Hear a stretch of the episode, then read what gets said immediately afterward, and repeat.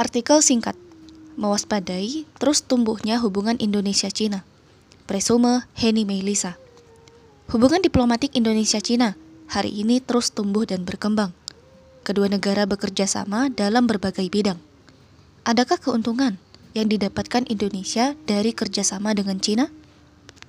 Indonesia menjalin hubungan diplomatik dengan Cina untuk pertama kalinya pada 13 April 1950. 22 tahun kemudian, pemerintahan Soeharto menormalisasi hubungan dengan Cina melalui penandatanganan komunike bersama, the resumption of the diplomatic between the two countries. Setelah itu, kedua negara saling menjaga hubungan baik hingga pada pemerintahan Susilo Bambang Yudhoyono atau SBY. Kuatnya hubungan diplomatik Indonesia-Cina membuahkan kerjasama ekonomi yang kuat, termasuk Indonesia ikut dalam program One Belt One Road atau OBOR yang berganti nama menjadi Belt and Road Initiative atau BRI.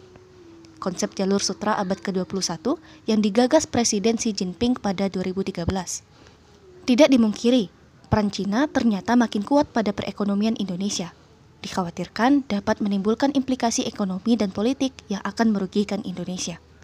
Laporan Rand Corporation berjudul China in the International Order menjelaskan bahwa kepentingan inti Cina sejak awal 2000-an berfokus pada tiga hal penting, yakni keamanan, kedaulatan, dan pembangunan. Dalam kepentingan keamanan, mengacu pada perlindungan mendasar negara dari bahaya dan kekacauan. Sementara kedaulatan meliputi kepentingan kedaulatan nasional untuk melaksanakan otoritas atas semua klaim geografis. Adapun kepentingan pembangunan mengacu pada akses ke sumber daya dan barang yang dibutuhkan bagi negara untuk mempertahankan pertumbuhan ekonomi. Tiga kepentingan ini menjadi misi politik luar negeri Cina.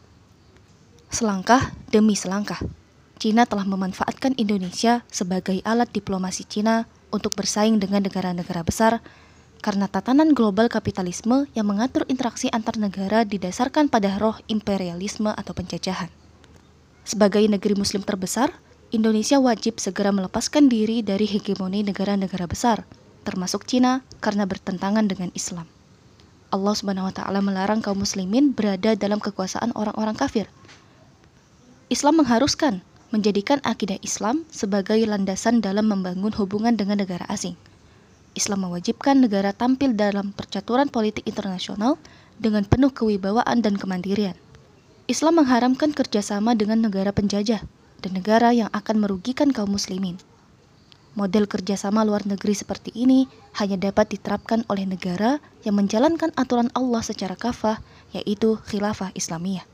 Sumber tulisan oleh Fatma Sunardi.